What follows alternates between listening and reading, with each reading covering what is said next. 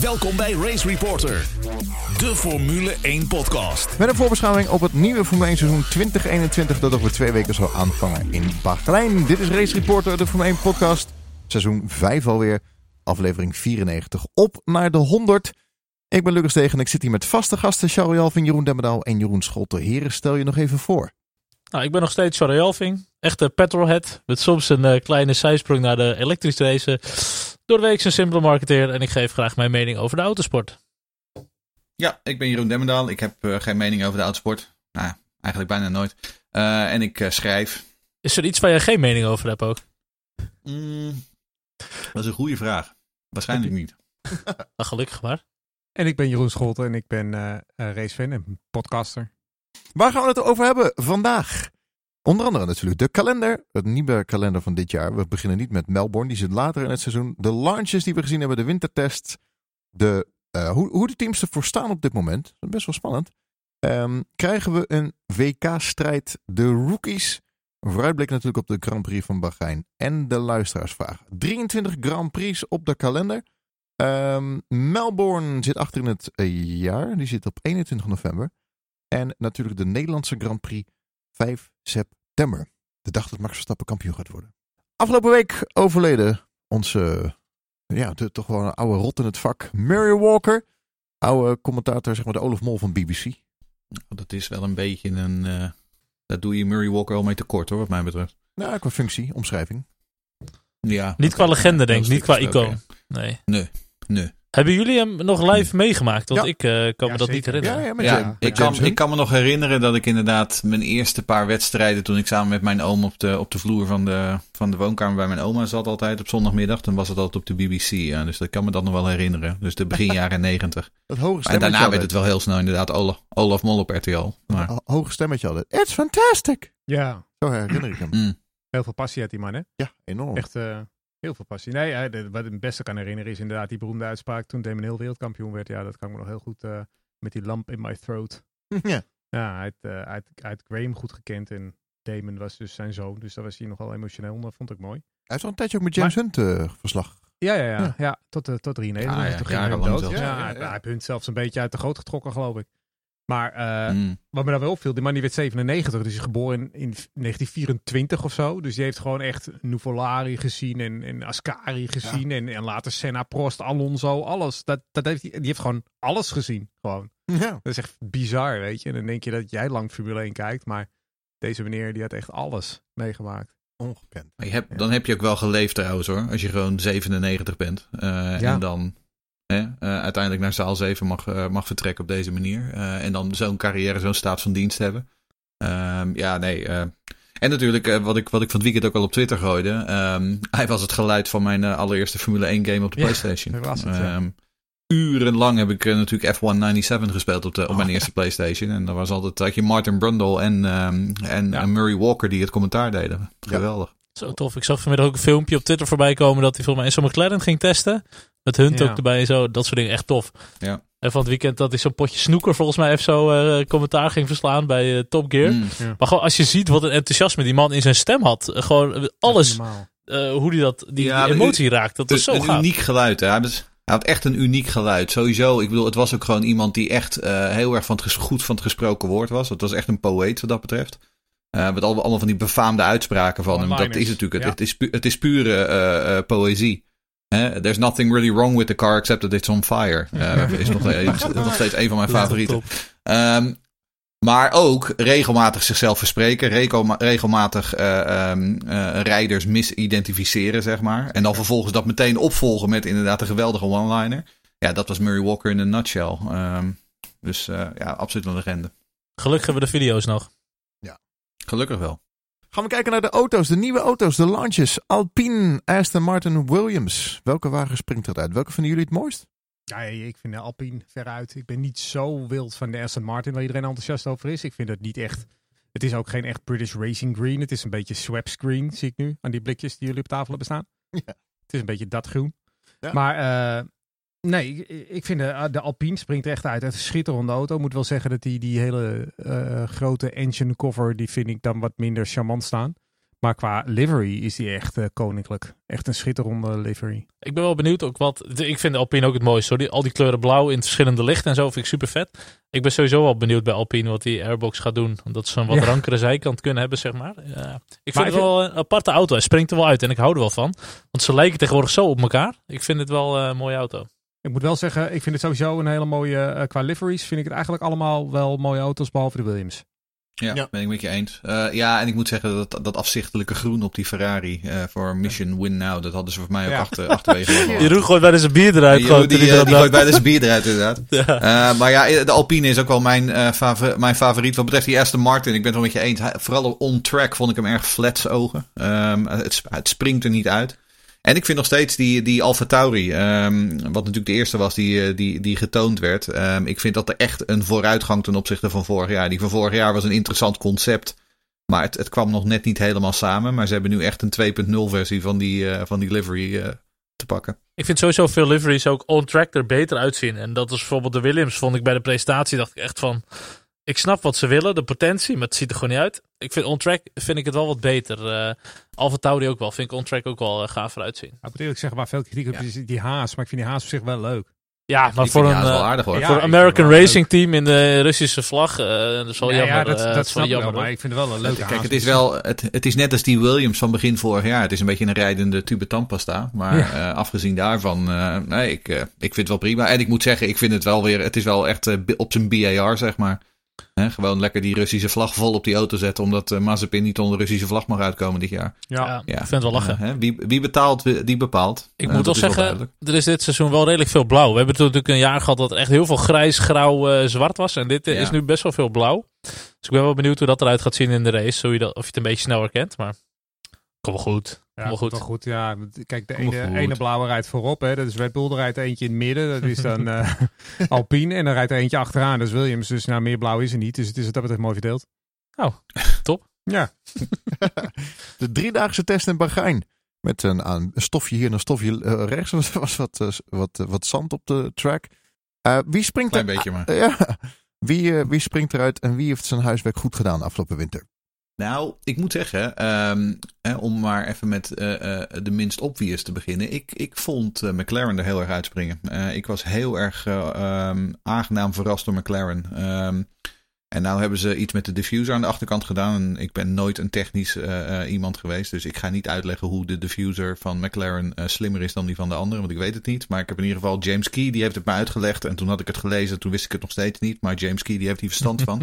dus het zal wel.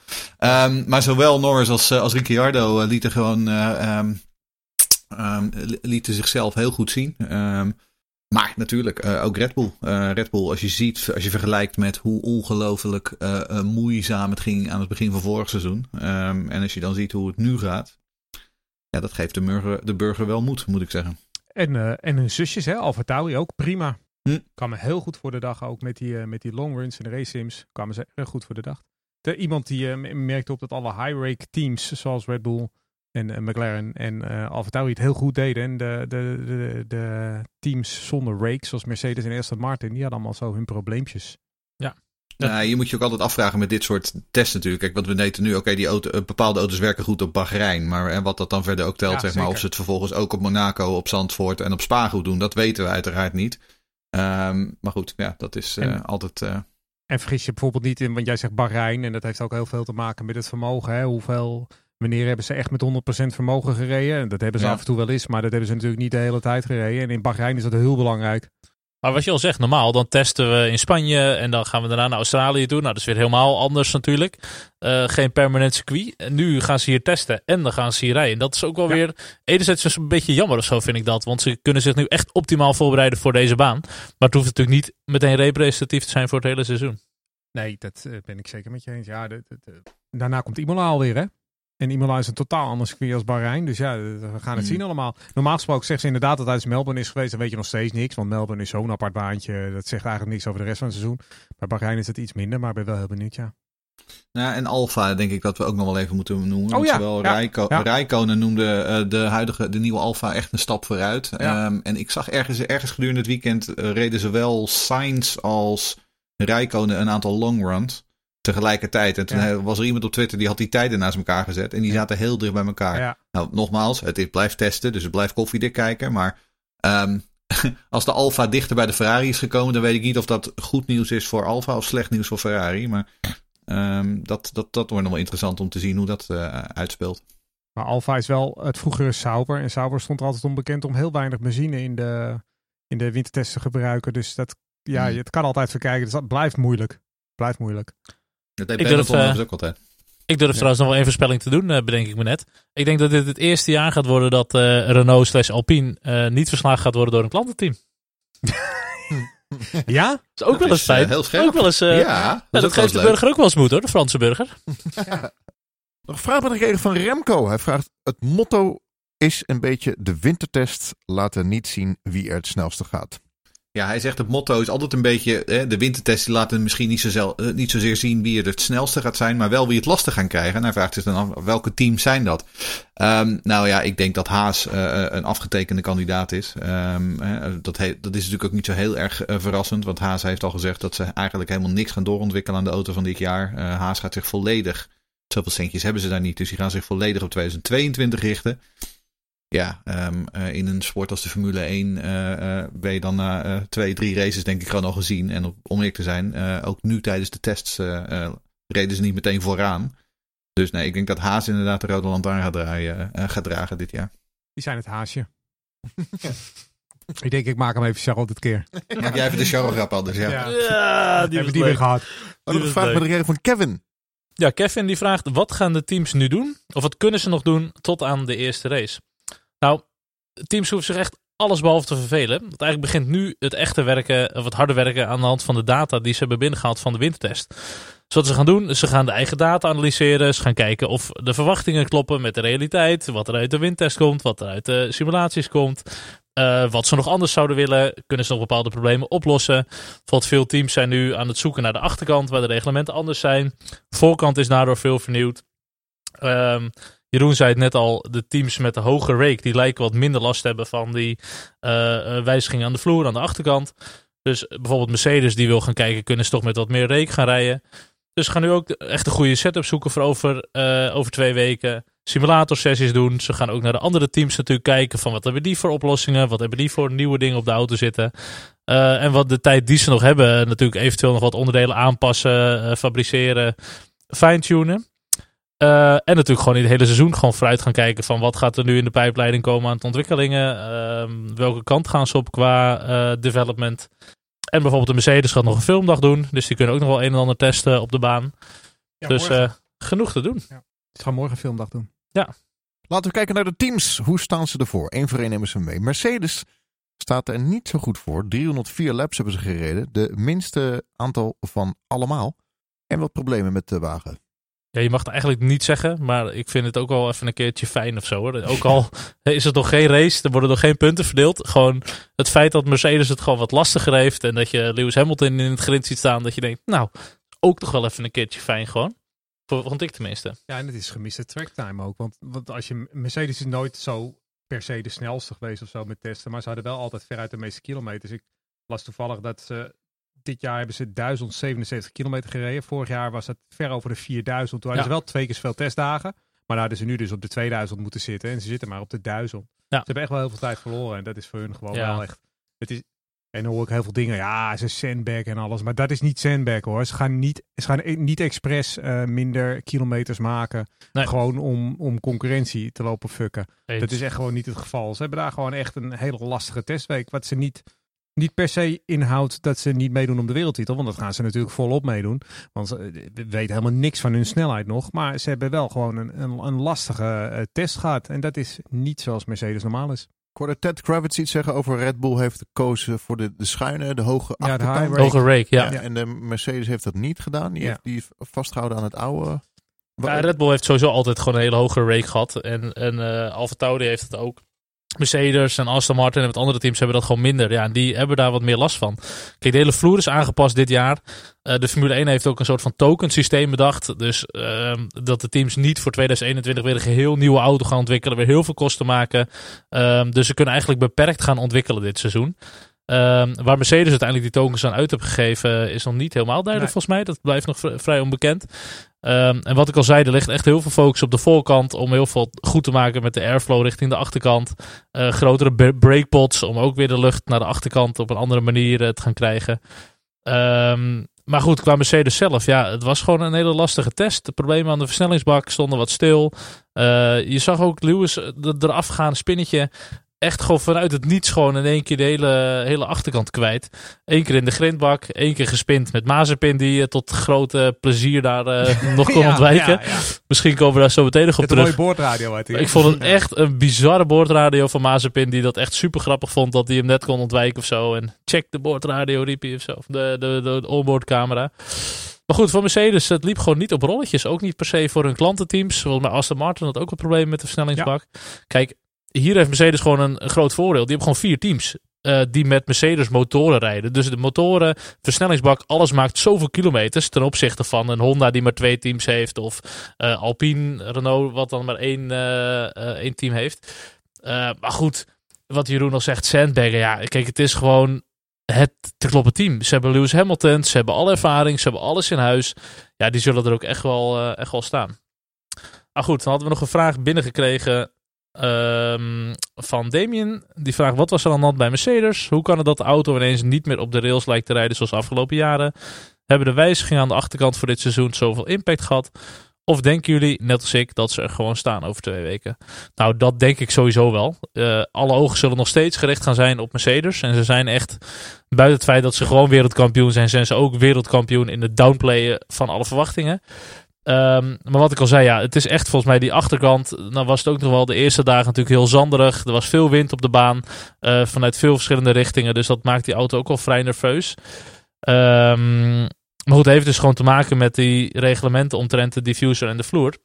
En ik ben wel benieuwd wat ze daarmee gaan doen qua rake en eh, hoe ze het gaan oplossen. Nou, wat jij zegt, dat, dat las ik wel ergens. En dat vond ik wel een interessante gedachte. Ik weet niet of het, zo- of het ook echt zo is. Maar eh, wat, wat wel van de Mercedes altijd een zwak punt is geweest. Dat ze moeilijk rijden in eh, turbulente licht, lucht van een voortganger, voorganger. En eh, er was nu heel veel wind. Het hele Ja. weekend lang hebben we ontzettend veel wind gezien. En dat is natuurlijk ook turbulentie. En daar schijnen ze toch wel wat moeite mee. Dat zou ook gewoon het probleem kunnen zijn. Het zou zeker niet helpen. Vraag ben ik eigenlijk nog van Ros. Ja, Ros die vraagt: De Mercedes is blijkbaar rear snappy. Hoe nadelig is dit voor Mercedes eh, in verhouding met Red Bull, die een topstart hebben gehad? Ook omdat er geen ronde meer gereden kan worden tot FP1. eh, over twee weken dus, tijdens die eerste Grand Prix.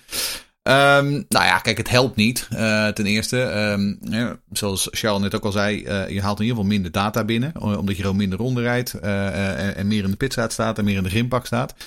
Tegelijkertijd, eh, we hebben het ook over Mercedes hier. Ehm, en eh, als er nou één team is eh, die ik ehm, erop vertrouw dat ze, als ze daadwerkelijk problemen hebben met die achterkant, dat ze dat binnen nu in een paar races opgelost hebben, dan is het wel ehm, AMG Mercedes uit Stuttgart.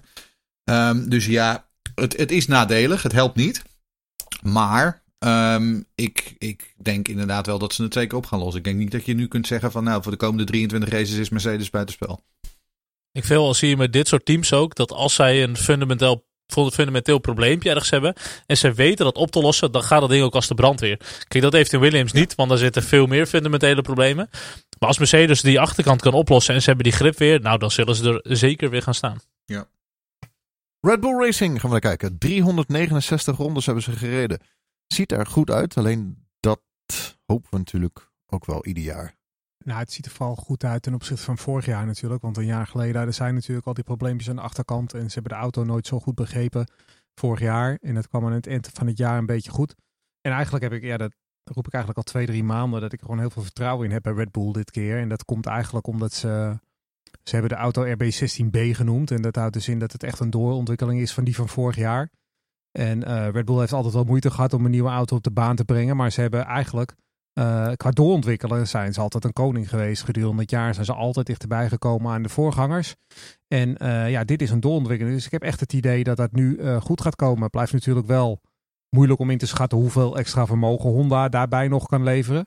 Maar bijvoorbeeld vorig jaar was Honda wel heel erg betrouwbaar. Sterker nog, het was de betrouwbaarste van allemaal. Het minder onder, minste onderdelen verbruikt. Dus ja, ik, voor mij zijn ze gewoon eh, in ieder geval een kandidaat voor de wereldtitel. En ik heb echt heel sterk het idee dat het dit jaar wel een spannende titelstrijd gaat worden.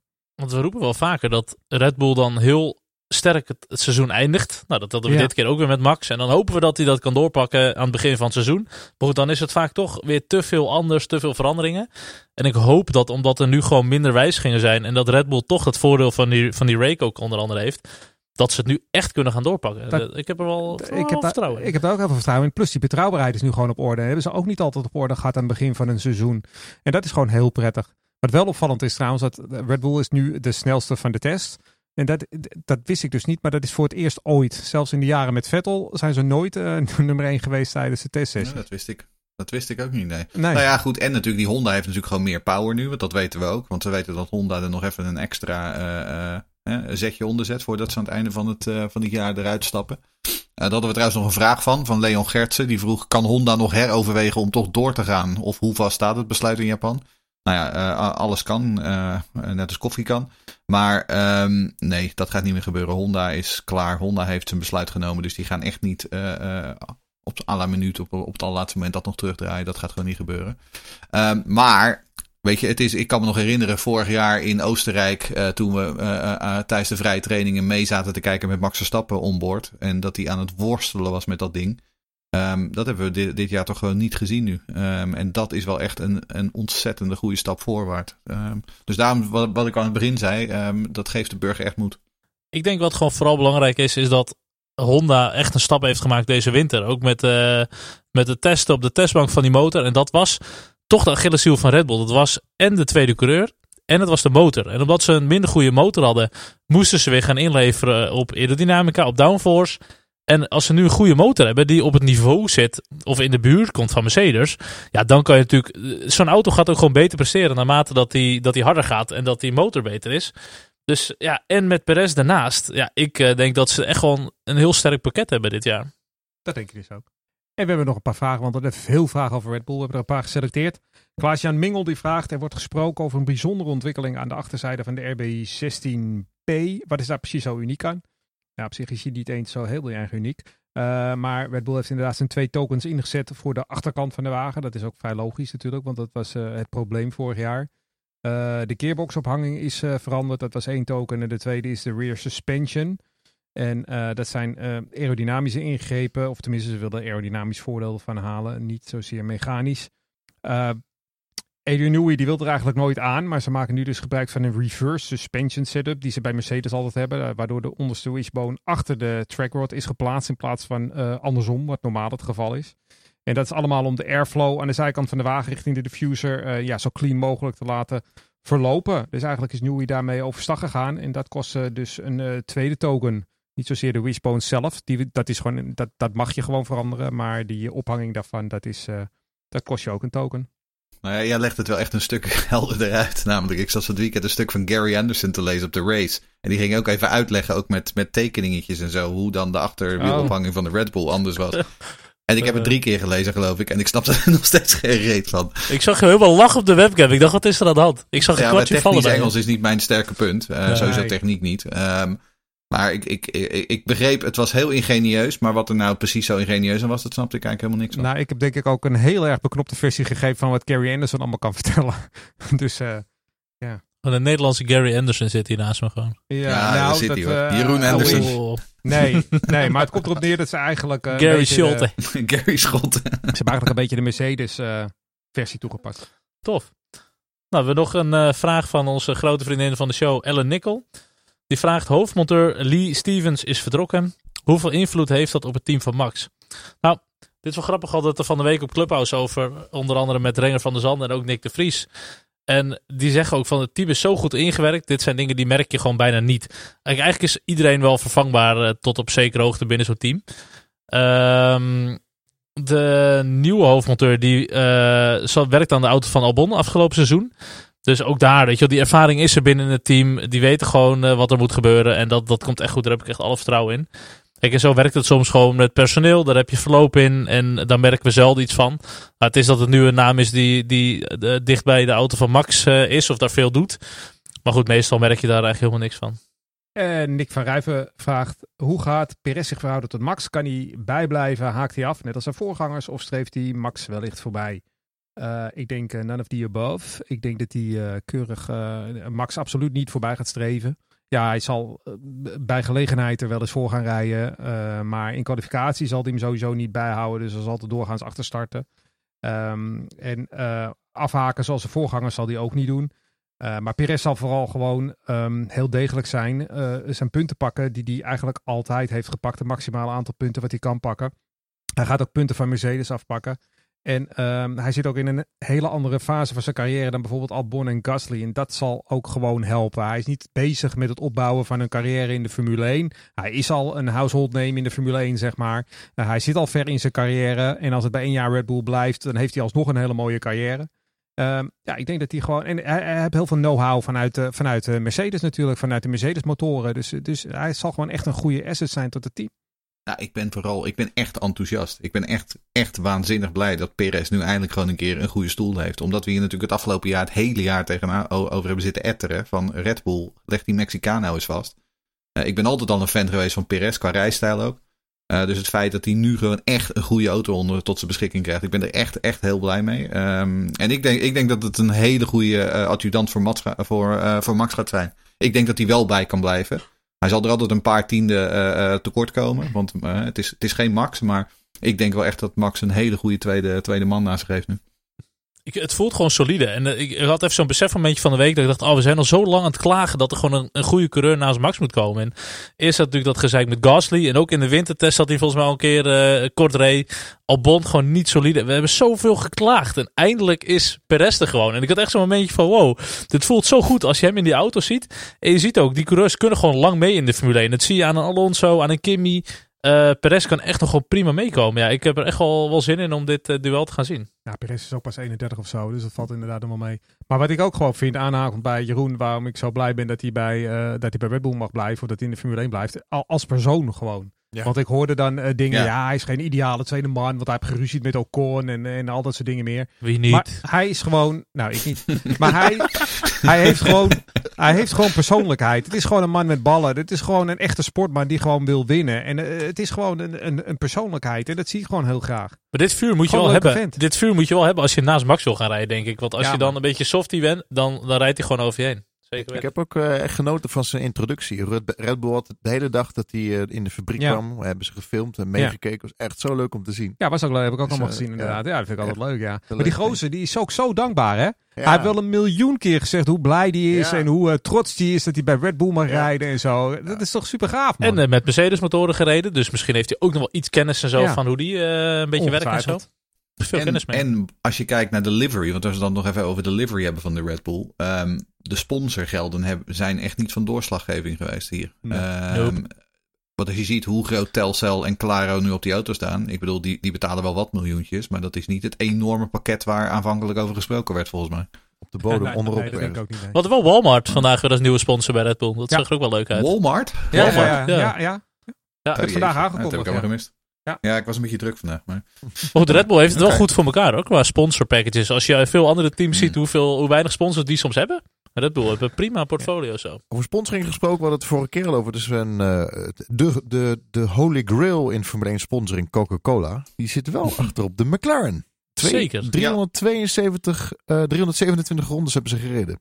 Ja, nee, hier begon ik natuurlijk al met in, uh, toen we hier begonnen uh, over te praten over de test. Uh, ik ben echt aangenaam verrast door McLaren. ik had er wel een beetje goede hoop ehm, dat ze een stap voorwaarts zouden maken. Um, en ik heb, ik heb het idee dat, dat, die stap er echt is. Um, en natuurlijk wat interessant is, zij rijden inderdaad ja met die Mercedes motor, maar zij rijden niet met de Mercedes versnellingsbak. Want McLaren heeft in tegenstelling tot bijvoorbeeld Aston Martin nog steeds een eigen versnellingsbak. en dat vond ik dan wel weer opmerkelijk. Dat zowel Mercedes als Aston Martin wel problemen hadden met de bak, maar McLaren helemaal niet. Um, dus ja, uh, die hebben gewoon goed rondjes gedraaid. Meneer James Key, we hebben daar een vraag ook over van Michiel Klingeman. Die vraagt, denken jullie dat de diffuser oplossing van McLaren een significant verschil slash voordeel zal opleveren? Um, ik denk dat het, nou ja, dat, significant, hoe lang is een stuk touw is dan de, de, de vraag natuurlijk. Maar ja. um, het zal, degelijk, het zal wel degelijk een voordeel opleveren. Maar James Key zei zelf ook al eh, eh, gisteren of, of, de, of vandaag dat hij verwacht dat andere teams het binnen enkele eh, races ook over gaan nemen. Hij zegt dat, dat dat zal een paar races duren. Hij was er zelfs verrast eh, over dat andere teams niet eh, tot dezelfde eh, conclusie waren gekomen bij het ontwerpen van, eh, van de diffuser. Ehm, dus ja, het- in de eerste paar races zal het, wel de, eh, zal het eh, mogelijk wel een verschil kunnen maken. Maar daarna, ja, dan uiteindelijk, eh, goede ideeën worden vaak overgenomen door anderen ook. Ja, en toch vraag me af of dat kan hoor. Want je kan wel die diffuser kan je wel aanpassen. Maar dan, volgens mij moet je ook wat aanpassingen aan de achterkant van de auto doen. En volgens mij mag je dat niet zomaar.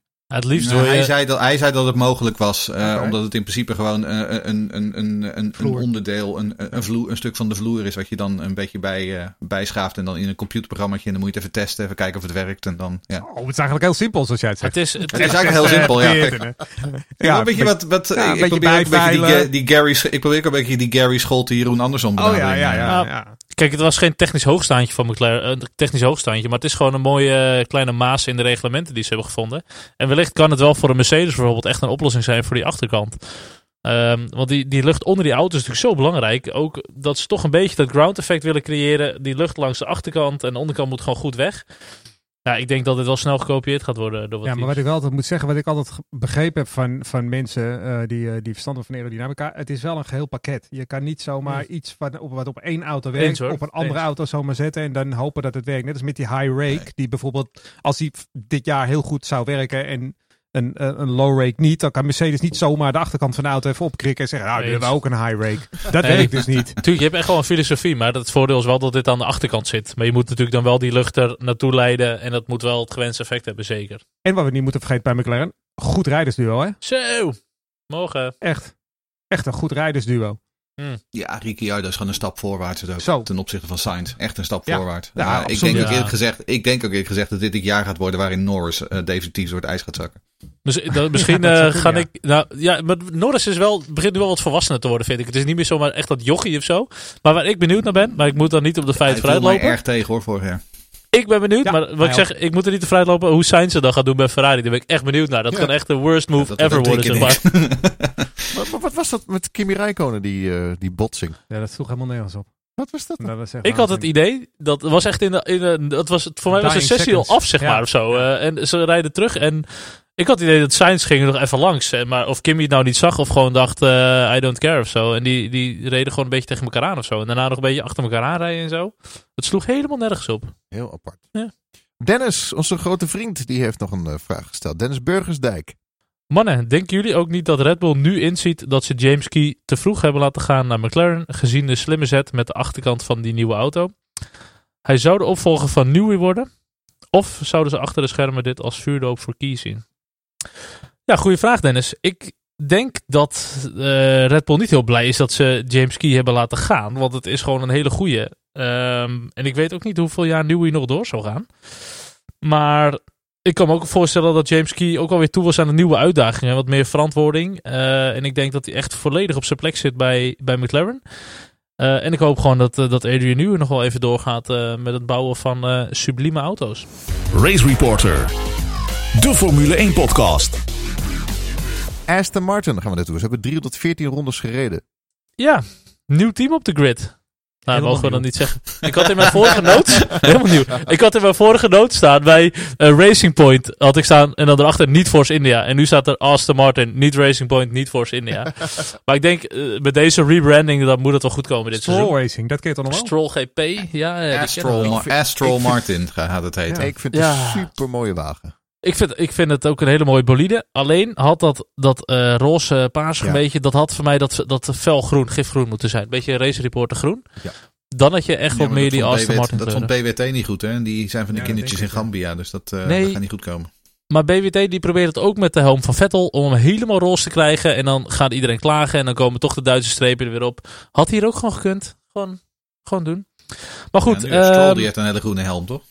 ja, Die ja, de ene is eh, aangepast. hi- iemand die rechts van me was er echt totaal geen fan van, volgens Ja, mij. Ik vind gewoon, als jij een hele groene auto hebt, dan ga je niet een hele groene helm ook op je kop zetten. Ik vind dat gewoon geen gezicht. Maar dat is mijn mening. Ja, vind ik ook. Maar Schumacher had het ook op een gegeven moment. Ja, maar hij heeft ook geen eigen identiteit. Dus hij hoeft ook geen eigen helm te hebben qua uitstraling. Het is gewoon. Ik wil zeggen, als er nou één coureur is bij wie het past, dan is het wel eh Lens, Lensenpens. Ik vond Ja. wel die foto van Stroll met die groene helm, met die groene auto. Er waren echt een paar hele mooie foto's van. Ik vond het wel tof uitzien. Maar als zijn de coureur met een eigen identiteit, ben je gewoon echt... eh, Ja, maar de vond ik Ja, Irvine- Irvine, deed het nog eens in die Jaguar. hè? Ja, die zette Jaguar. toen zo'n eh, zo'n- zo'n Hetzelfde, tiger ja. print, eh, zo'n Jaguar print bovenop zijn helm, zeg maar. dat was wel aardig ja, toen. ja, ja.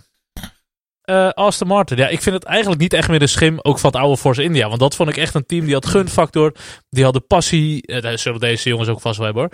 Maar ook het- dat ze nog Racing Point werden, dat Stroll kwam, nou best wel wat geld. En nu, het is gewoon ineens, het is echt een, een heel nieuw team voor mijn gevoel.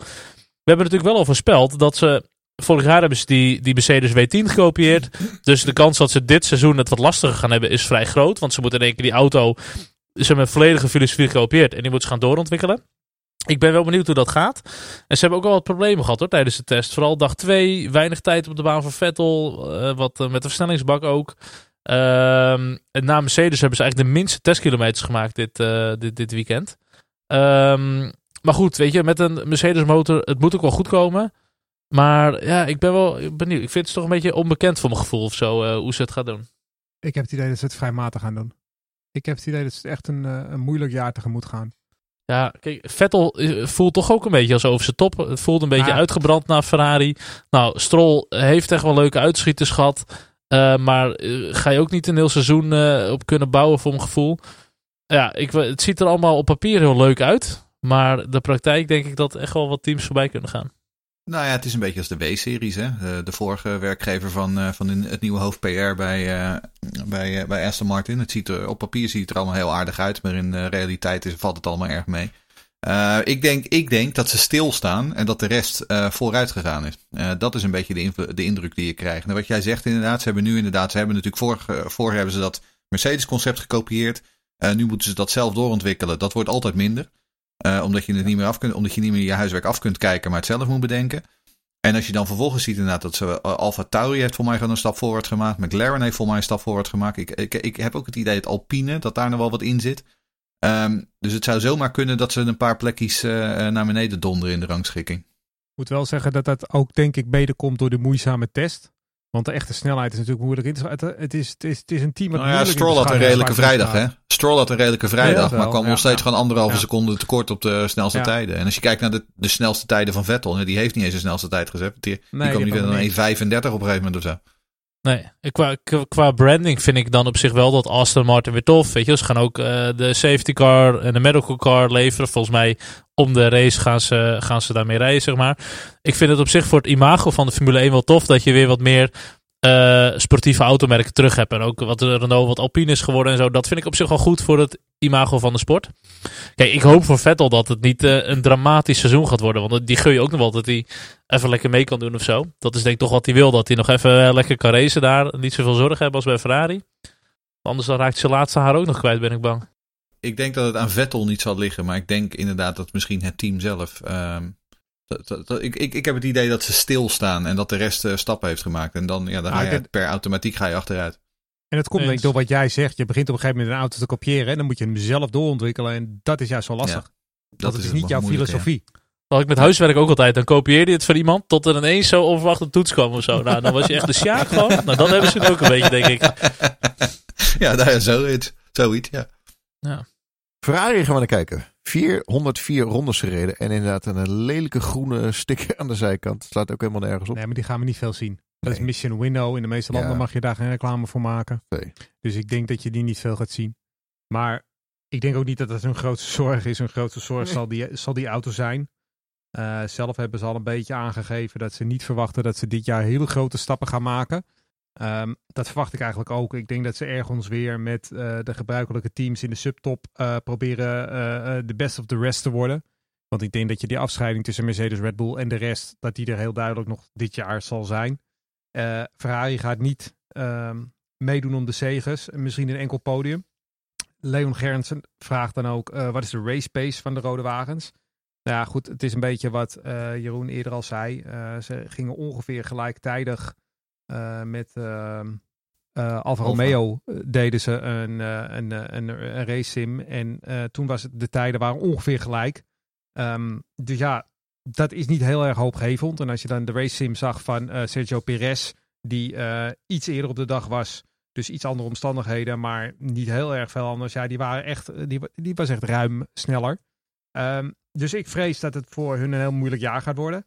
Eh, en daarbij heb je daar ook nog eens het rijdersduo met, eh, met Leclerc en Sainz. Ik denk dat Leclerc natuurlijk een uitstekende kopman is. Ik denk dat Carlos Sainz een heel moeilijk jaar tegemoet gaat krijgen. Omdat je het een beetje... Ik denk dat eh, Leclerc is van het niveau Verstappen. En die killt zijn teamgenoten gewoon. Dat zag je vorig jaar met eh Seb Vettel. Wat niet de minste coureur van allemaal is. Oké, hij had misschien wat motivatie. Was misschien niet op zijn top bij hem. Maar dan nog is het een heel goede coureur. En die zet hij gewoon aan de kant. En ik denk dat Carlos Sainz het ook heel, heel erg lastig gaat krijgen met, eh, met Charles Leclerc. Nou ja, Sainz, hè, we hebben hem allemaal naast Max Verstappen gezien. Waarin hij gewoon keihard het onderspit delfde. Eh, en ik denk dat dat weer gaat gebeuren. Want Max Verstappen is natuurlijk eenzelfde type coureur als Leclerc. Ehm, onbetwiste kopman, gaat over lijken om zijn zin te krijgen. Eh, en Sainz, die ging dan altijd. Sainz ging een beetje naar de hoofdmeester van. eh, meester, hij pest me. Ehm, en ja, dat kan hij bij Ferrari nu ook weer gaan proberen. Maar daar komt Charles Leclerc natuurlijk helemaal niet van onder de indruk. Oh Dus, nee, want eh, eh, nee, maar- ik, ik, nee. Dus ik denk inderdaad dat je gelijk hebt. Ik vond Sainz lang niet zo slecht naast Max als bijvoorbeeld Albon of Gasly en zo. Want die, die vielen echt door de mand gewoon eh, bij Red Bull. ja, maar toen was Max 17 eh, geen autosportervaring of nauwelijks een jaar. Sainz ook niet. Jawel, Sainz het eh, veel, eh, heel veel Ja, oké, meer autosport, maar niet Formule 1 ervaring. Die heeft nu ook wel aardig wat, wat ervaring bij teams en zo. Hè? Maar Nee, ik maar ben ook er is een reden waarom Red Bull Sainz heeft laten lopen en Max Verstappen niet. Omdat Max tuurlijk. Verstappen meteen liet zien dat hij wereldkampioen materiaal was. En Zeker. Sainz was dat niet. En nu, Ja. kijk, hij, eh, hij- het, het- wat ik al eerder gezegd heb, Sainz doet me een beetje denken aan Barrichello in 2000. Die zei van Ik ja, ik, zit net een beetje Schumacher en ik, ga voor de, en ik ga voor de wereldtitel. Ja, nou, we weten allemaal hoe dat afgelopen is. Ik denk dat dat ook een beetje is hoe, hoe Sainz erin zit. Van, dan zit hij wel echt bij een goed team. Hij weet ook dat hij niet de, de, de topman is. Maar in de luwte denkt hij misschien toch mooie dingen te kunnen gaan doen. Maar waar ik dus benieuwd naar ben, is toch wel die Ferrari motor dit seizoen. We hebben natuurlijk in 2019 gehad dat die Ferrari motor zo goed ging. Nou, wel of niet illegaal, dat ding was gewoon illegaal. Vorig jaar scheen dat ding ook aardig, eh, ook weer een nieuwe motor, aardig geknepen te zijn volgens mij. Ehm, ik ben wel benieuwd wat ze daar nog uit kunnen halen uit die motor dit seizoen. En ook met name de klantenteams en zo. Ik denk dat ze, dat ze daar echt nog wel stappen kunnen gaan maken. En als dat lukt, dan kunnen ze echt wel hopelijk een beetje aanhaken wel weer bij de subtop. Nou, ik denk wel dat ze daar stappen in gaan maken. Ik, ben alleen, ik vrees alleen voor hen dat de andere drie fabrikanten ook stappen hebben gemaakt. En dat gat vorig jaar tussen Ferrari eh, qua pk's en de rest, alle drie de anderen, was echt huge. Dat was echt heel veel pk's. En, en dat ga je niet zomaar eventjes in een wintertje weer, weer overbruggen, ben ik bang. Voor hen. Dat denk ik dus ook niet. Kijken we naar Alfa Tauri. Alfa Tauri, ja, het zusterteam van Red Bull. Ehm, reden volgens mij, eh, Jeroen corrigeer me, maar reden volgens mij gewoon vrijwel trouble-free. Eh, Ja. en, en gingen ook gewoon echt als de brandweer. Ehm, zowel eh, Gasly, die in de longruns zag hij er sterk uit. Maar ook ons Yuki. want daar, om eerlijk te zijn, ik verwacht heel veel van Yuki Tsunoda dit jaar. Ehm, het, het zal af en toe, het, het zal een beetje de Takuma Sato profiel gaan worden. Dat hij af en toe hangt hij er ergens in de, in de hekken. en dan de race daarna, dan rijdt hij weer de sterren van de hemel. Eh, dat was natuurlijk ook in de Formule 2 vorig jaar zo. Eh, was het, hij was vrij grillig, want hij wordt wel ontzettend hard gepusht door Honda.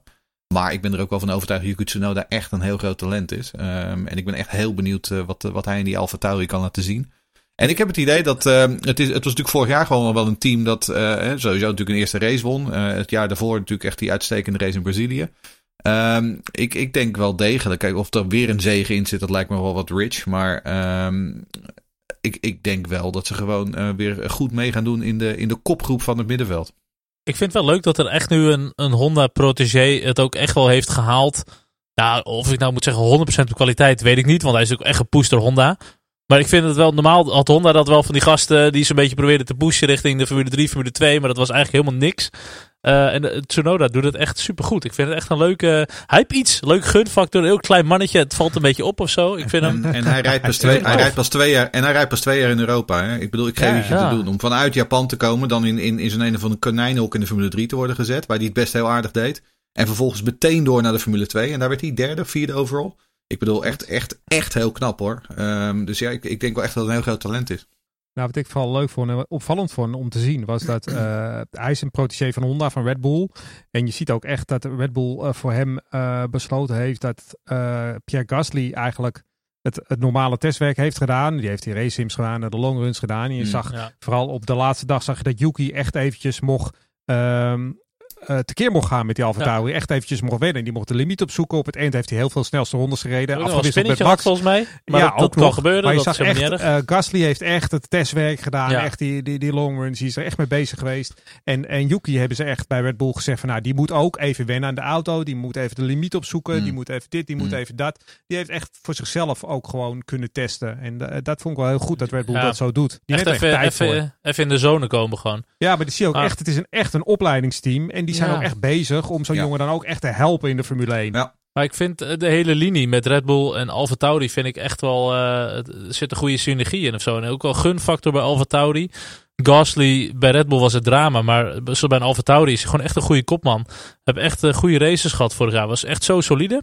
Ja, ik ben echt wel benieuwd eh, of ze ook wat meer kunnen aanhaken. Dat hoop ik stiekem wel. Ja, volgend dat- jaar dat gaat hij natuurlijk gewoon naar Alpine toe. Hè?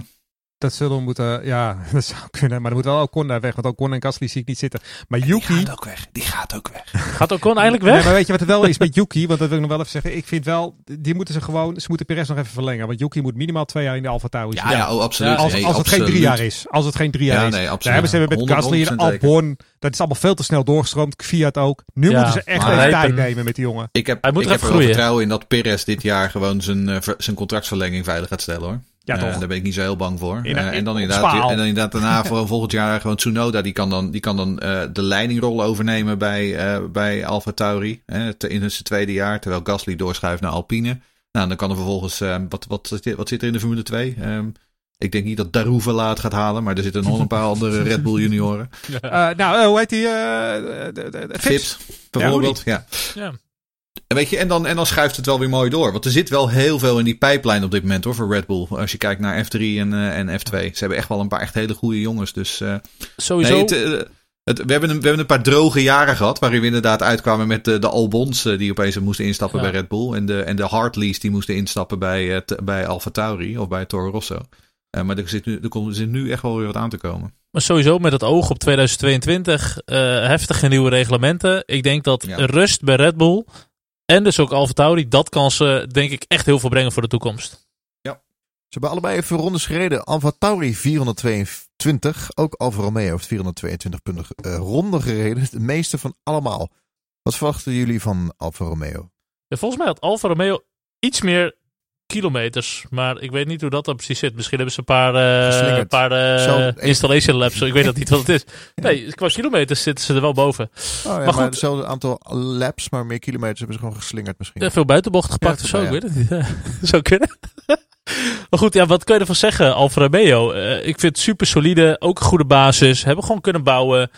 Ook daar weinig wisselingen in de wacht. Weet je Kimi hebben ze nog, Giovinazzi.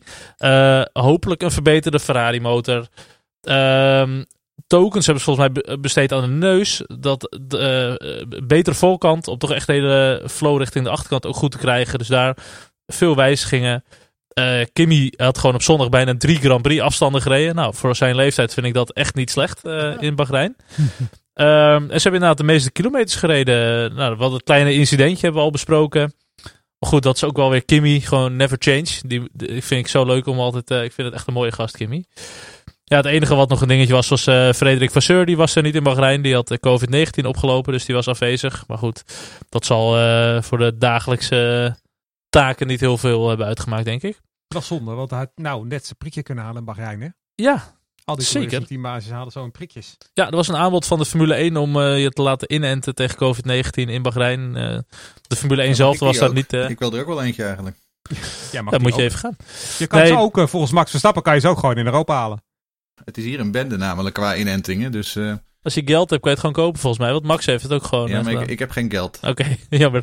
Nee, maar dus eh, de Formule 1 had een aanbod gekregen van, eh, van eh, de organisatie in Bahrein. Die waren er zelf niet zo happig op. Maar uiteindelijk een aantal teams en coureurs zijn er zeker op ingegaan. Ja man, Eh, en ook logisch, want kijk, sommige coureurs hebben het vorig jaar al gehad. Weet je wel, Stroll, Hamilton, nog een paar, ik weet het even niet. Maar goed, voor bijvoorbeeld een Max is het wel echt een dingetje. Want stel, dit wordt je kampioenschapsjaar Ja. en je krijgt na twee of drie races krijg je COVID-19.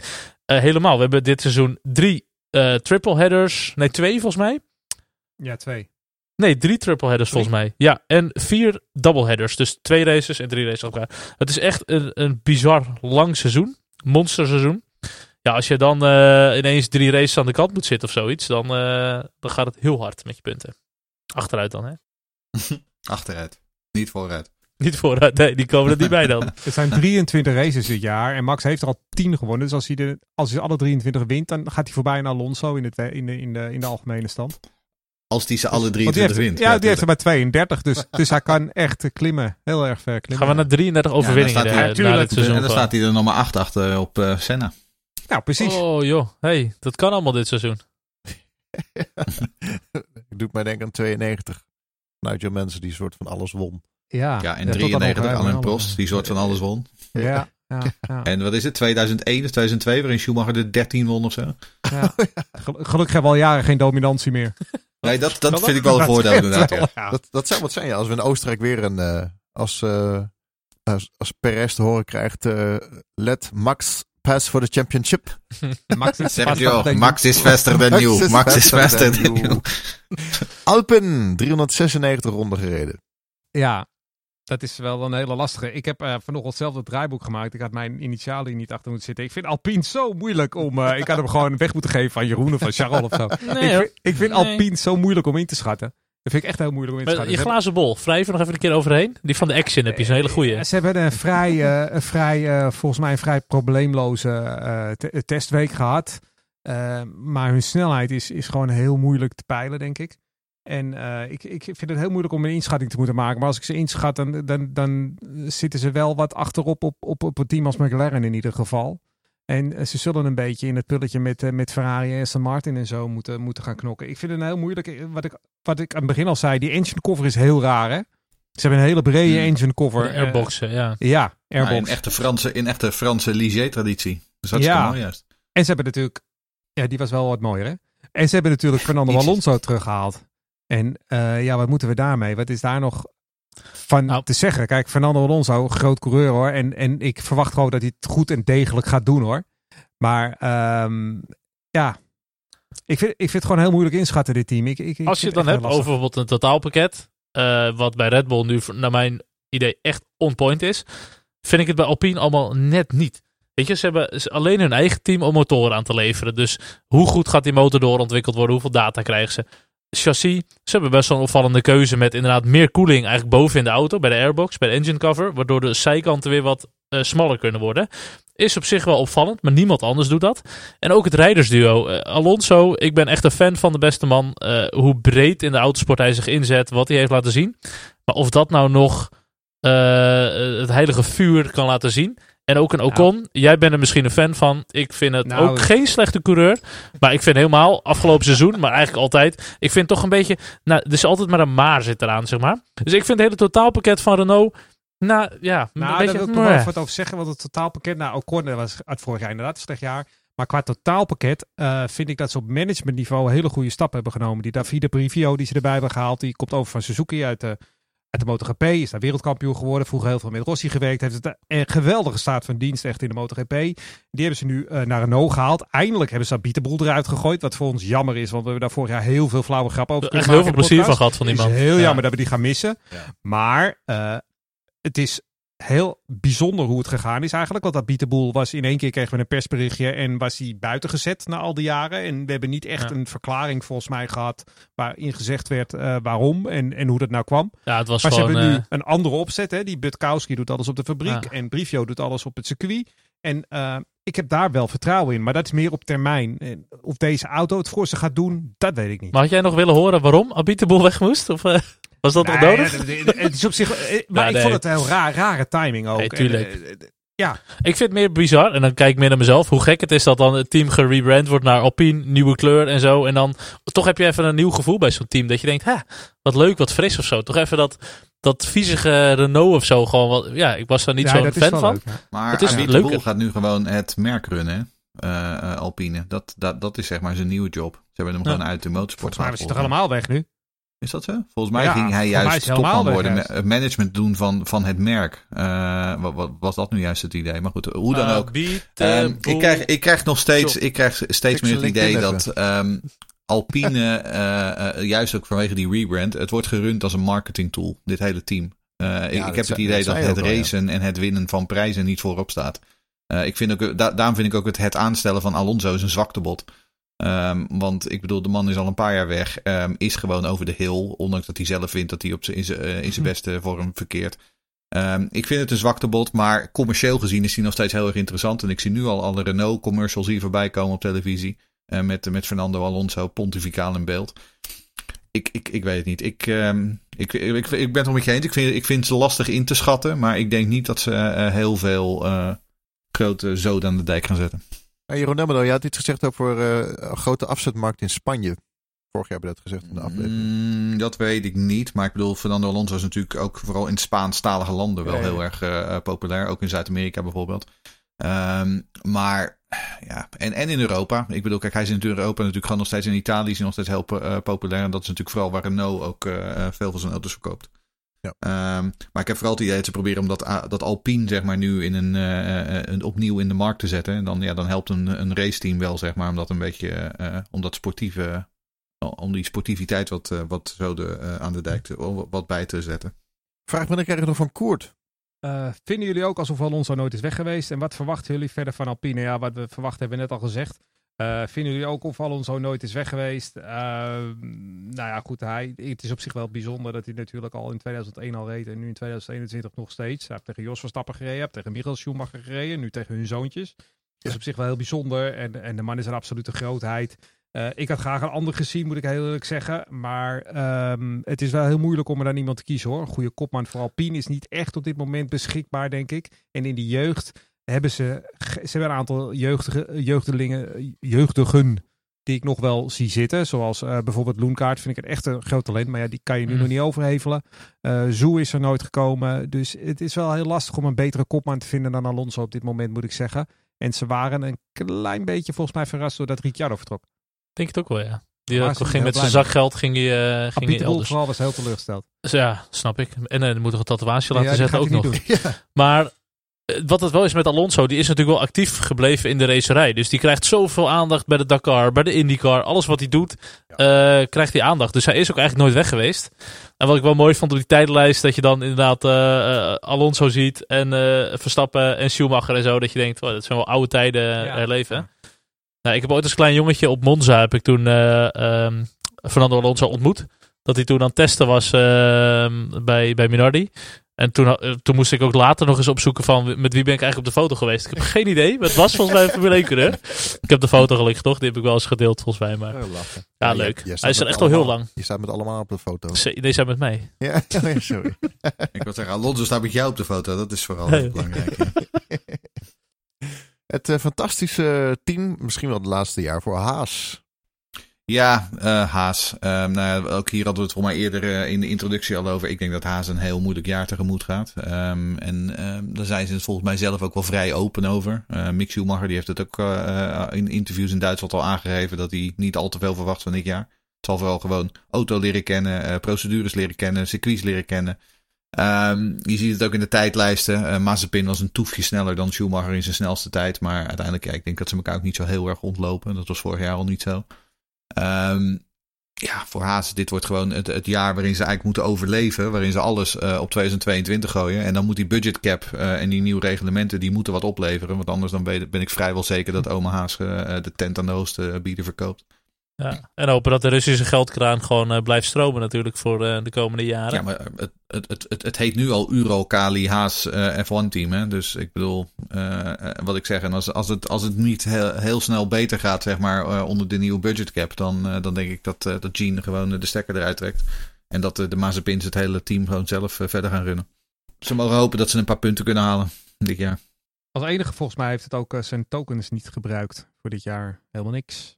En ik vind sowieso, eh, ik, als ik teambaas was, zou ik nooit met twee rookies gaan starten. Maar goed, Nee, maar goed geld. ze eh gooien eigenlijk money dit jaar al weg. Dus Ja. Is het nou zo dat ze hebben gezegd dat ze niet gaan ontwikkelen dit jaar? Of helemaal niks aan de Ja. auto gaan doen? Ja. ja, dat is het. De Ja. auto nu is de auto in Abu Dhabi in december. Ja. Dit, dit Ja. wordt echt drama voor Haas. Ja. Ik moet, en wat ik zelf wel jammer vind, is dat ook voor een naam als Mick Schumacher, die, die moet natuurlijk gewoon vliegenuren maken.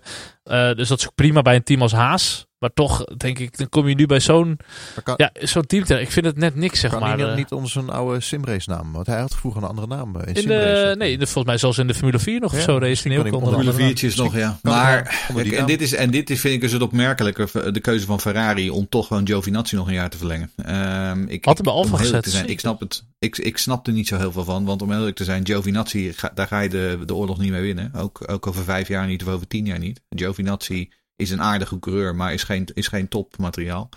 Eh Mick Schumacher hebben we inmiddels gezien met een beetje ontwikkeling en inderdaad veel vlieguren maken, kan die gewoon eh, titels winnen en kan die gewoon races winnen. Ehm, ik had hem in die Alfa gezet, niet in een Haas, maar ehm, ja. Dat, eh, Wat de PR dat had kunnen geven voor Alfa. Dan had je echt een klassiek duo gehad. Ja. En ook Kimmy gewoon naast, naast Mick. Nog Ja. echt als leermeester.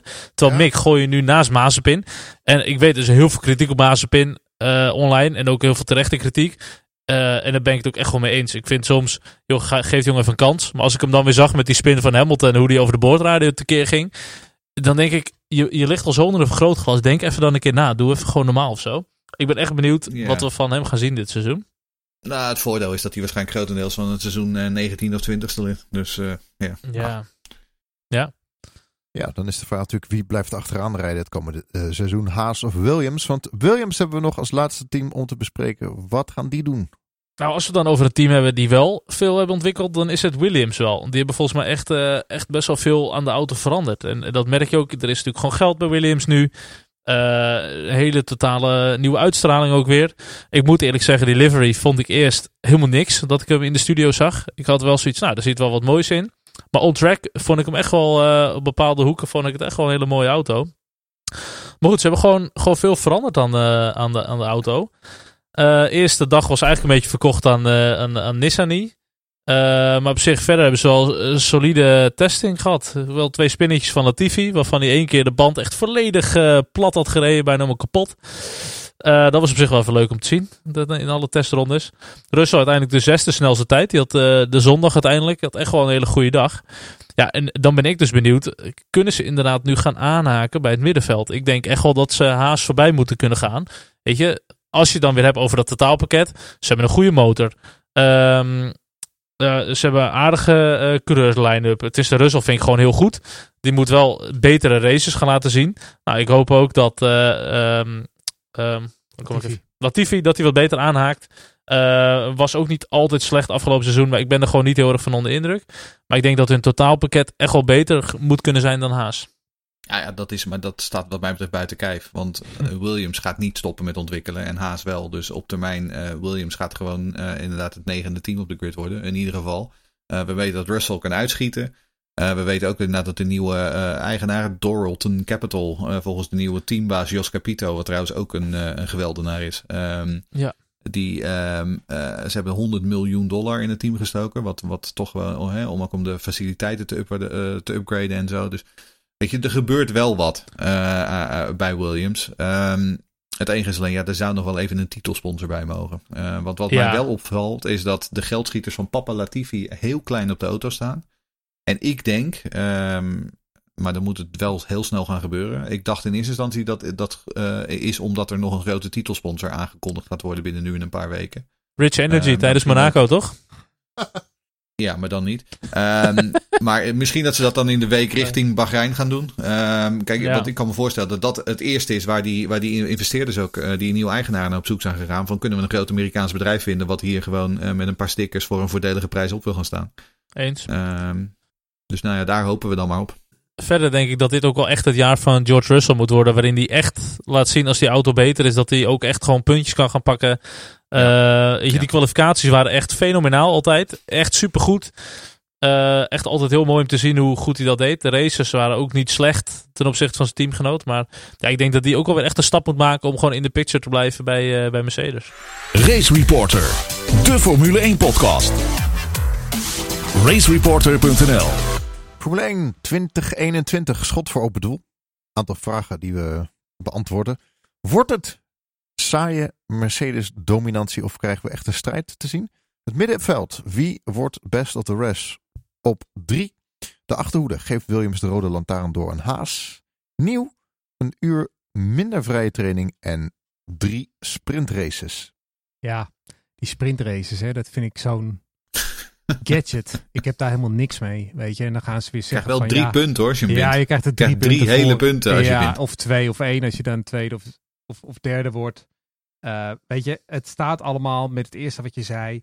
Eh, wordt het saaie Mercedes-dominantie of krijgen we strijd? En op het moment dat we strijd hebben, dan heeft niemand meer behoefte aan die gadgets die er zijn. Eh, Ik denk dat we ons ook kunnen bijvoegen volgend jaar aan onze special over de flops in de Formule 1. Van, nou, leuk Ja. dat het geprobeerd is, maar Ik ben bang dus eigenlijk van niet, want ik ben bang dus dat eh, jonge fans die eh, eh, de sport is gaan kijken, juist die sprintraces wel heel leuk gaan vinden. En ik ben bang dat er dus wel een publiek voor is voor die sprintraces. Die hebben niks met dat romantische wat wij hebben van zo hoort een Formule 1 weekend opgebouwd te zijn. Die interesseren zich daar niet voor. Die willen gewoon kort, snel, Nee. actie en geweld op de baan zien. En die gaan daarvoor kijken. Dus die 20 rondjes zonder pitstops, dat vinden ze fantastisch. Dus ik ben er bang voor dat dat nog gaat blijven ook. ik moet zeggen dat ik wel een fan ben van dat eh, Formule 2 format wat ze de afgelopen jaren hebben gedaan. Ja, voor de Formule 2. Eh, ja, voor de Formule 2. Want wat daar het grootste probleem is, is daar doen ze eigenlijk doen ze kwalificatie, doen ze de hoofdrace op de zaterdag, krijgen de top 10 gewoon punten. En dan eh, zondag doen ze de top 8 draaien ze om. Dat lijkt me voor de Formule 1 ook heel tof. Dat je eerst een hoofdrace doet. Daar verdeel je gewoon echt de, de grote knikkers. En daarna doe je nog een sprintrace. Maar het probleem is, als je een sprintrace op zondag gaat doen, dat is gewoon primetime Formule 1. Dan kan je niet een sprintrace gaan doen, vind ik. nou, het lijkt Dus dat, dat vind ik het probleem. het lijkt me echt verschrikkelijk met de omgekeerde start. Kijk, weet je, dat, dat werkt fantastisch voor de Formule Ja. 2 en voor de Formule 3. Maar dat zijn junior racers en die moeten nog leren te racen. Dus laat die jongens die eh, vooraan zijn geëindigd lekker even van achteren komen. Dat is allemaal prima. Dit is de Formule 1, dit is de koningsklasse. Dit is gewoon een format. We racen maximaal twee uur. We doen een paar pitstopjes en we gaan knallen. Nu, wat het nog een heel groot nadeel is ook, we gaan vooraan op vrijdag kwalificeren. Daar zitten wij dus Dat allemaal is wel jammer, ja. Dat vind ik ook zo'n Wat ik, stoms. over, wat ik overigens een nog beter formaat zou vinden, is als je gewoon de snelste raceronde eh, eh, gebruikt als, ehm, als startopstelling voor de tweede race. Eh, want dat doen ze namelijk in de Road to Indy in Amerika. Oh, oké. Dus in de eerste race, als je daar de, wie daar de snelste raceronde zet, en dat zou dus degene kunnen zijn die 18e ligt omdat hij in de eerste ronde gesprint is. Eh, maar als je dan de snelste raceronde rijdt, dan kun je in race 2 dus gewoon nog bovenaan staan. eh, vooraan starten. Want het probleem is nu, als je in de Formule 3 of in de Formule 2 in die, in die eerste race eh, eh, op je gat gaat, dan is, ben je meteen in die tweede race Ja, ook ja, gezien. ja. Omdat je dan dus helemaal achteraan moet ja, starten. dat klopt, ja. Ehm, dus dat is het nadeel. Hoe dan ook, ehm, ik denk wel dat we eh, gewoon een eh, titelstrijd gaan krijgen. Ik ga het maar gewoon zeggen. Ik denk dat dit jaar eh, eindelijk, na al die jaren... En ja, ik weet dat we ooit een titelstrijd hebben gehad tussen Rosberg en Hamilton. Maar dat interesseerde mij niet zo heel veel. Want Hamilton is toch wel de betere. Ehm, ik denk dat het Red Bull versus Mercedes gaat worden. Sterker Ja. nog, dat het Hamilton versus Max gaat worden. Ehm, en als, als McLaren een paar uitschieters heeft, misschien dat ze ook nog wel een keer mee gaan doen. Dus ehm, ja, ik heb er wel zin in eigenlijk weer. Nou, Gewoon ik denk- ouderwets een titelstrijd. Ik ben daar sowieso van overtuigd. Ik, ik denk ook dat Max echt een goede kans maakt om wereldkampioen te worden en Red Bull eh, bij de constructeurs. Eh, ik denk wel dat als je het hebt over de volgorde in het veld, dat Mercedes en Red Bull zullen relatief dicht bij elkaar zitten. Daarna komt een gaatje, komt McLaren. En daarachter komt dan, vermoed ik, eh, Ferrari, Aston Martin, Alpine. Die zullen met z'n drieën gaan vechten daar. En achteraan zal Alfa Romeo zich los hebben gewerkt van Williams en van Haas. Maar eh, nog net niet de aansluiting bij het veld daarboven kunnen, kunnen, kunnen vinden. En ik denk dat Alfa Tauri eh, wel gelijkwaardig is eh, aan, aan Ferrari en Aston Martin, moet ik eerlijk zeggen. Alfa Tauri maakt echt een hele goede indruk op mij. En twee echt hele goede coureurs. Dat zie ik wel zitten. Ik, ik vraag me af Hmm. wat, eh, wat Bottas gaat doen. Bottas wordt wereldkampioen dit jaar. Want eh, nee, ja, serieus. Want die heeft mentale hulp gekregen, heb ik gehoord. Dus die, eh, die kan zich nu veel beter op een eh, race voorbereiden. Die kan zich afzonderen. Die kan nu met teleurstellingen omgaan. Zijn baard is wat langer. Zijn haar is wat langer. Dit is, dit- hij wordt wereldkampioen. Is het Bottas 5.2 Ik denk dat hij wordt net zo wereldkampioen als David Coulthard altijd wereldkampioen Oh, ja, ja. werd. Die werd Dat ook is, altijd wereldkampioen. Ja, klopt. Bottas 14.2.1 inderdaad. Net als de laatste iOS. Ik denk dat Bottas inderdaad wereldkampioen dammen wordt. Nee, maar ik Zoiets. bedoel, ik bedoel, met de komst van Perez vraag ik me echt af waar Bottas gaat eindigen. Nou, de, de- de- ik denk dat Nou, Minder op Perez, het eh, podium, denk ik. Minder. Als, ja, dat ligt ook natuurlijk aan het materiaal. En, als, en dan moet die Red Bull wel echt goed genoeg zijn. Maar als die Red Bull goed genoeg is, dan, eh, dan denk ik dat Perez een betere coureur is dan Bottas. In races, in kwalificatie vind ik Bottas overigens wel altijd heel goed hoor. Ja, ik zou wel wat battles willen zien tussen Perez en Bottas. Ik denk dat Perez dan ook echt wel fel kan zijn hoor. Dat hij ja, gewoon een echte in, kwalificatie is Bottas wel echt heel goed. Maar in de races gaat hij Ja. daar verliezen hoor. Ja, maar dan is die Mercedes ook vaak goed. Maar dat, Ja. Perez is juist wel heel erg goed in de race. Ja. Eh, en die heeft vorig jaar absoluut het maximale, zo niet meer, uit die, eh, uit die Force India gehaald. Oh, sorry, de Stroll Grand Prix. Ehm, dus eh, nee, ik, denk, ik denk dat Perez eh, Bottas gaat verslaan.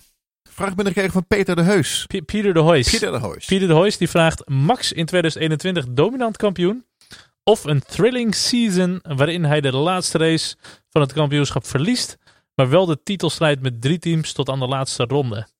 Nou, mijn pure F1 hart als liefhebber zegt het liefst gewoon een thrilling season waarbij Max het echt net aan niet redt. Eh, waarbij we echt super mooie gevechten hebben gehad. Echt tot het gaatje. Eh, maar dan wel mits het niet Lewis is die kampioen wordt. Want dan, dan vind ik het echt niet cool gewoon. Maar ik denk toch dat mijn chauvinisme dan wel een beetje overwint. Daar ben ik ook bang voor. Ja. Ik ga voor Nederlands Formule 1 historie. Weet je, we hebben al zoveel jaar geen spannende titelstrijd. Alleen met dominantie. Eén jaartje extra, dat overleef ik wel. En dan gaan we daarna gewoon voor, voor een spannend seizoen. Dat, dat ik is mijn echt dat hij de 15 wint gewoon. En dat hij gewoon echt afgetekend, gewoon Ja. Sebastian Vettel-style, gewoon eh, die, die Ja. wereldtitel binnenhaalt. Dat je Daar gewoon- hoop ik op. Dat je gewoon indut en dat je met één ronde te gaan wakker wordt. En ah, oh, Max nog steeds op één. Oké, Nee. nou en dan doe je heeft dicht. weer gewonnen. Dat hoop ik.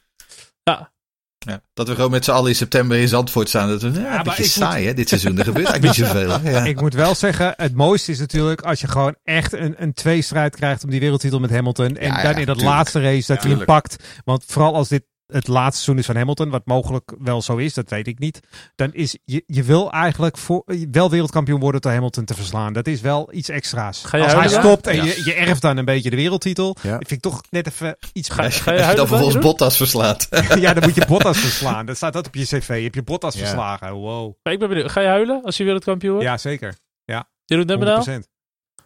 Nou, ik zat te janken toen hij zijn eerste Grand Prix won. Nou, Ja, dat zal ik wilde het net zeggen. Ja, er zitten hier vier eh, volwassen mannen. Nee, zeker. Ah, Nou, ik zat, toen eerlijk te Ja. zijn, toen Vettel voor de eerste keer kampioen werd, zat ik ook met tranen in mijn ogen. Want ik was een zo, zo grote Vettel-fan. Ik ben ook wel Eh, echt een beetje emo in dat opzicht hoor. Ook dat Max won. Ik, eh, Jeroen Verkester was voor mij wel dus een fles champagne. Ja, joh, zat echt te huilen gewoon daar. Dan moet je ook, als je dan, als je dan die allerlaatste Ja. race hebt in Abu Dhabi, een, een kutcircuit, maar als je dan die laatste 20 ronden en hij ligt aan de leiding en hij moet winnen, dan, dan durf ik bijna niet meer te kijken. Want je kan Ja. altijd dat pluimpje rook zien en dat, dat ga je dan ook Oh, in je Maar hoofd dat was zien. toen in Bar dat- maar dat was toen in Barcelona in 2016 er ook. Ja, ik wil, oh, ik ja, had niet meer die Ja. laatste, ik had niet meer die laatste paar, Ja. eh, die laatste paar ronden. Dat is echt Sport. niet, niet te zien. Sport is emotie. Ja, prachtig. Ik had ook tranen in mijn ogen bij die ene overwinning van Alesi in Canada. Oh ja. Fantastisch. Ja, 95. Eh, Ja.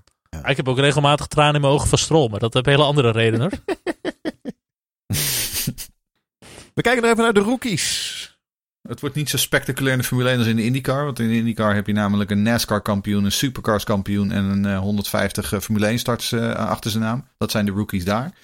Ehm, maar ja, goed, we, eh, hier is het ook wel afgetekend. Ehm, net als dat in de IndyCar Scott McLaughlin gewoon een Rookie of the Year gaat worden, gaat Yuki Tsunoda natuurlijk Rookie of the Year worden. Want eh Mick Schumacher en Niki, Yuki, Nikita Yuki. Mazepin rijden in een Russisch konijnenhok. Dus die gaan het gewoon niet redden. Die mogen blij zijn als ze een punt halen. Terwijl, ehm, ja, Yuki... Rookie, ik denk dat ze alle drie al, ik denk dat ze alle drie al een beetje be- behandeld hebben. Maar ik denk inderdaad dat Yuki gewoon echt gaat verrassen en echt mooie dingen gaat laten zien dit jaar. Terwijl hij ook af en toe gewoon lekker in de hekken gaat hangen. Dat, dat hoort er ook gewoon bij. Hij heeft ook bij far de beste auto natuurlijk. Dat moeten we hem dan wel even, Ja, tuurlijk, even ja. voor die andere twee opnemen. Hij heeft wel bij far de beste auto. Maar goed, Ja. eh Maaspin is geen hoogvlieger, zal nooit een hoogvlieger worden. Denk naar het niveau een beetje Nicolas Latifi. Ik schat Schumacher iets hoger in dan dat. Eh, maar ja, uiteindelijk, zeker. ja, ja, ja, een stuk hoger eigenlijk wel. Maar uiteindelijk vind ik dat ook geen Charles Leclerc of, Jos, of eh, Max Verstappen. Nee. Nee. Wilde Jos zeggen? Ik wil Dus die Jos was zeggen, ook ja. goed hoor. Ja. Jos was ook Hij goed. wou zeggen Charles Jalving of Jos Verstappen. Ja. Ja. Ja, Ik kijk wel het meeste uit naar eh, Tsunoda. Zeker. En ik denk dat Mazepin alleen een hoogvlieger gaat zijn als je vol achterin iemand rijdt. omdat hij weer een of andere rare actie heeft of zo. Verder niet echt, denk ik. Die gaat hier wel een keertje met Tsunoda de hek in. Dat kan ook nog. Ehm, nou ja, en dan eh, een vraag van Sven Brandsma, die eigenlijk een beetje een verlengde daarop eh, eh, een vraag stelt. Wie van de rookies heeft de meeste indruk op jullie gemaakt? Mag positief en negatief uiteraard. Ehm, ja, weet Nikita Mazepin is een beetje wat mij betreft magere yoghurt. Die, die jongen, ja, hij, hij, is er, maar verder registreer ik hem eigenlijk niet. Mick Schumacher heeft natuurlijk de naam. Ik ben wel, wel benieuwd hoe hij het gaat doen. Maar we weten ook dat hij een beetje een diesel is. Dus zijn eerste jaar is altijd een beetje, nou ja, zo-zo. Eh, dus ja, Tsunoda is wel degelijk eh, de jongen waar ik heel erg van onder de indruk ben. Eh, we hebben vrijdag nog iets leuks, namelijk de nieuwe serie op Netflix.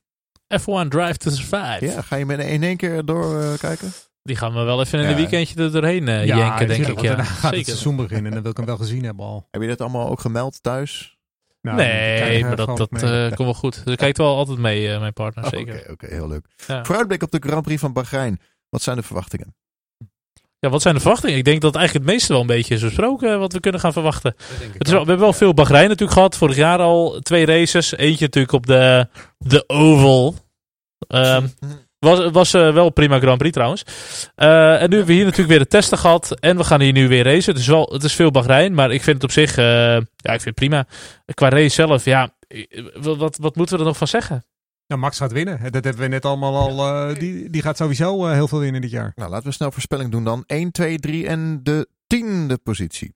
Ik ga voor 1. Max Verstappen. 2. Lewis Hamilton. 3. Checo Perez. En 10. Charles Leclerc. Ik eh, ga dan voor eh, één Verstappen. Eh, twee wordt Sergio Perez. En drie wordt Daniel Ricciardo. En eh, tien wordt eh Lance Stroll. Ja, eh, Max gaat winnen. Eh Perez wordt 2, Hamilton wordt 3. En tiende wordt eh Valtteri Bottas met eh, drie gemissende versnellingen. Ik denk, We zijn echt verschrikkelijk opportunistisch hier. Maar dat is allemaal prima, joh. ik, moet, ik moet toch wel iets, iets anders zeggen, anders win ik niet. Ik was heel slecht vorig jaar. Lewis 1, Max 2, Perez 3 en Norris 10. Gaan we ook nog een voorspelling doen voor de, eh, de stand van het kampioenschap, de constructeurs? jij Voor mij dat. Daniel. Daniel Nee, stel dat nee, voor. dat Nee? gaan we niet doen. Nee. Nee? Oké. Oké. nee, oké. Daniel heeft nog wel een vraag. Ja, ik heb nog wel een vraag. Heb je nog een jou. vraag? Ja, aan jou. Echt? Ja, echt. Oh, niet aan de F1 gerelateerd. Maar wat verwachten jullie van de F2 en F3 dit jaar? Nou, wat ik eraan verwacht, is dat het eh, weer hele prima races gaan worden. We hebben een nieuw format in de Formule 2 en de Formule 3. Dus we gaan drie races rijden. Eh, dat vind ik op zich wel, eh, wel, wel leuk om denk ik te gaan zien. Het was wel al... eh, ik vond het wel al veel, altijd al. Eh, het wordt heel moeilijk om alles in één weekend eh, te gaan zien, moet ik eerlijk zeggen. Maar ze wisselen wel Ja, af. Ja, maar het- ze, wisselen het nu Ja. af, hè? Ik vind Ja. het juist goed. Want ik Ja. vond juist die weekenden Ja. waarin je en F1 en F2 Ja, en F3 ze had, dat vond meer ik alles. te veel. Maar goed, we hebben ook de W-series. Maar ik weet, dat kijken jullie volgens mij Ja, niet. maar Maar, daar ga die, niet gaan ga ook kijken, deels in het voorprogramma rijden van de Formule 1. Maar ik vond wel, eh, we hebben natuurlijk 23 Formule 1 races op de kalender. Dan de, de Formule 3 rijden drie races. Formule 3, 2 rijden drie races. Hebben we de W-series. Ik vond het afgelopen seizoen echt al, echt al heel veel. En ik wil ook Ja. zo min mogelijk missen. Ja. Dus ik vind wel... ehm, maar goed, het Formule wel- 2 eh, deelnemersveld ziet echt weer subliem uit. Ja, echt een heel mooi veld. F2, F2 wordt Alleen- spektakel. Ik moet zeggen dat ik het Formule 3 veld nog een beetje zo-zo vind. Ja, om heel te eens. zijn. Alleen Richard Verschoor en Per Motorsport moet echt gewoon aangekondigd gaan worden. Die, die wil ik echt in de Formule 2 hebben. Eh, we hebben natuurlijk Bent Fiscaal. Fiscaal, hebben we ja. bij Trident. Eh, gaat voor nu alleen het openingsweekend rijden. Maar goed, ik hoop dat hij ook het financieel wat rond gaat krijgen. Ehm, maar ja, ik denk wel genoeg om weer naar uit te kijken. Ik ben echt wel benieuwd. eh, er zitten goede, goede rijders tussen. Oh, heel geweldige rijders zitten laat- tussen zelfs. Maar laten we, eh, laten we onszelf ook niet voor de gek houden. Bent en, en Richard, het is leuk dat ze mee mogen doen. Maar die gaan wel vooral gewoon voor spek en bonen mee rijden. Die Toch zullen wel, niet eh, om de titel mee gaan, eh, gaan rijden. Nee, en ik, goed, ik, Nee, mag, nee, eh, ik mag ze alle twee wel heel erg. Maar goed, ja, Formule 1 Ja, materiaal. maar daar, heb ik, daar gaat het me verder niet om. Dat maar is net als met een Nick de Vries, weet je wel. Die, die hebben het nu heel mooi voor elkaar bij Mercedes. Als testcoureur bij de Formule E. Ehm, eh, ik hoop dat Richard ook een soort gelijk pad kan bewandelen. Of misschien, weet je wel, bij, bij Jumbo, bij Frits van Eert aanhaken of zo, weet je wel. Da daar zie ik hem nog ooit nog wel weer terechtkomen. Maar ik zie ze geen glorieuze carrière hebben meer in, de in de Formule 1. Ik moet wel Dat, dat zeggen dat niet. fiscaal af en toe weekenden hebt, dan is hij niet buiten benen. Silverstone. Ja. Ojo, dat was echt Ja. een mooie race van hem. Die was echt tof. Maar op het algemeen eh, Ja. is- komt hij Maar wel goed, hij zit nu ook wel in een Trident. Dus ja, Ja, dan ja, zit je toch gewoon in een En, Trident. en laten we Ja. eerlijk wezen, de Schwartzman en de Poetiers en de, de die zijn En de allemaal. Ja, maar die- die hebben ook- klasse beter. Piastri, ja. Maar die hebben ook gewoon alles, zeg maar. En ook de, de backing. En die zitten in een rijdersprogramma, et Ja. cetera. Die hebben heel veel sponsors. Dus, en dat hebben deze jongens wat minder. Ja, en in dat opzicht, er is zoveel autosport in Nederland. Dat ook sponsoring is gewoon echt heel lastig voor de jongens. Dus, nou ja. Ik ben wel benieuwd of die Drugovic eh, eh, eh, de, stap, de groei door kan zetten. Want dit- dat Nee. was wat mij betreft echt de verrassing een vorig jaar. Die ja. Drugovic. En En, die gaat nu echt naar een goed team ook. Hopelijk komen ze ook, de Formule 3 althans, naar Zandvoort. Maar ja, Ik had liever de Formule 2 gehad. Maar ja. het is allemaal nog een beetje Ja, discutabel. hè? Mogen de fans, mogen er geen fans? Zonder fans gaan ze het niet doen. Met halve, halve fans gaan ze het ook niet doen. Dus, Nou, nee, dat is het. Ik Dus sprak, van, eh, ik sprak twee weken geleden Robert van Overdijk. En die zei ook van, we gaan echt alleen door als de fans erbij mogen zijn. ja, maar ook echt En- 100%. En toen werd er wel gezegd ook van, ja, maar je hebt ook gewoon een contract met de Formule 1. En als die zeggen, we gaan bij jullie rijden, dan heb We je niks te kiezen. ja. Ja. Maar zij zelf zeggen, we gaan alleen racen op Zandvoort als de fans erbij kunnen zijn. Ja. Dus laten we dat gewoon hopen. Race Reporter, de Formule 1 podcast, is onafhankelijk en wordt mede mogelijk gemaakt door onze vaste donateurs. Pinda Silva, super bedankt. Rick Debets, Frank Thewen, Maarten Evertsen, Mark Niesthoven, Joost Landzaat, Rowdy Rabouw, Remco Zoon, Eddie, Chris, Niels en Karin. Onze vaste leden. Ook een aantal eenmalige donaties. Super bedankt. Rob Bruigoms, Bushok, vaste luisteraar Ties, Roodhart, Racebezoeken, Niels Schoelhuis, Jasper Heijmans, ZC Zandbergen, Hendrik Sijp en Marco Post. En nog een aantal super supporters, Daan Harry de Groot en Annelies Bier. Help ons ook de winter door. Ga naar f1podcast.nl slash support. Dat is f1podcast.nl slash support. Zondag 28 maart om 5 uur de eerste Grand Prix van 2021 Grand Prix van Bahrein. Heren, super bedankt weer. Het vijfde seizoen Yes. staat voor de deur van deze podcast. Graag gedaan. Was leuk. We gaan weer uitkijken naar een eh, mooi seizoen. Precies. Dag. Doei. Hoi hoi.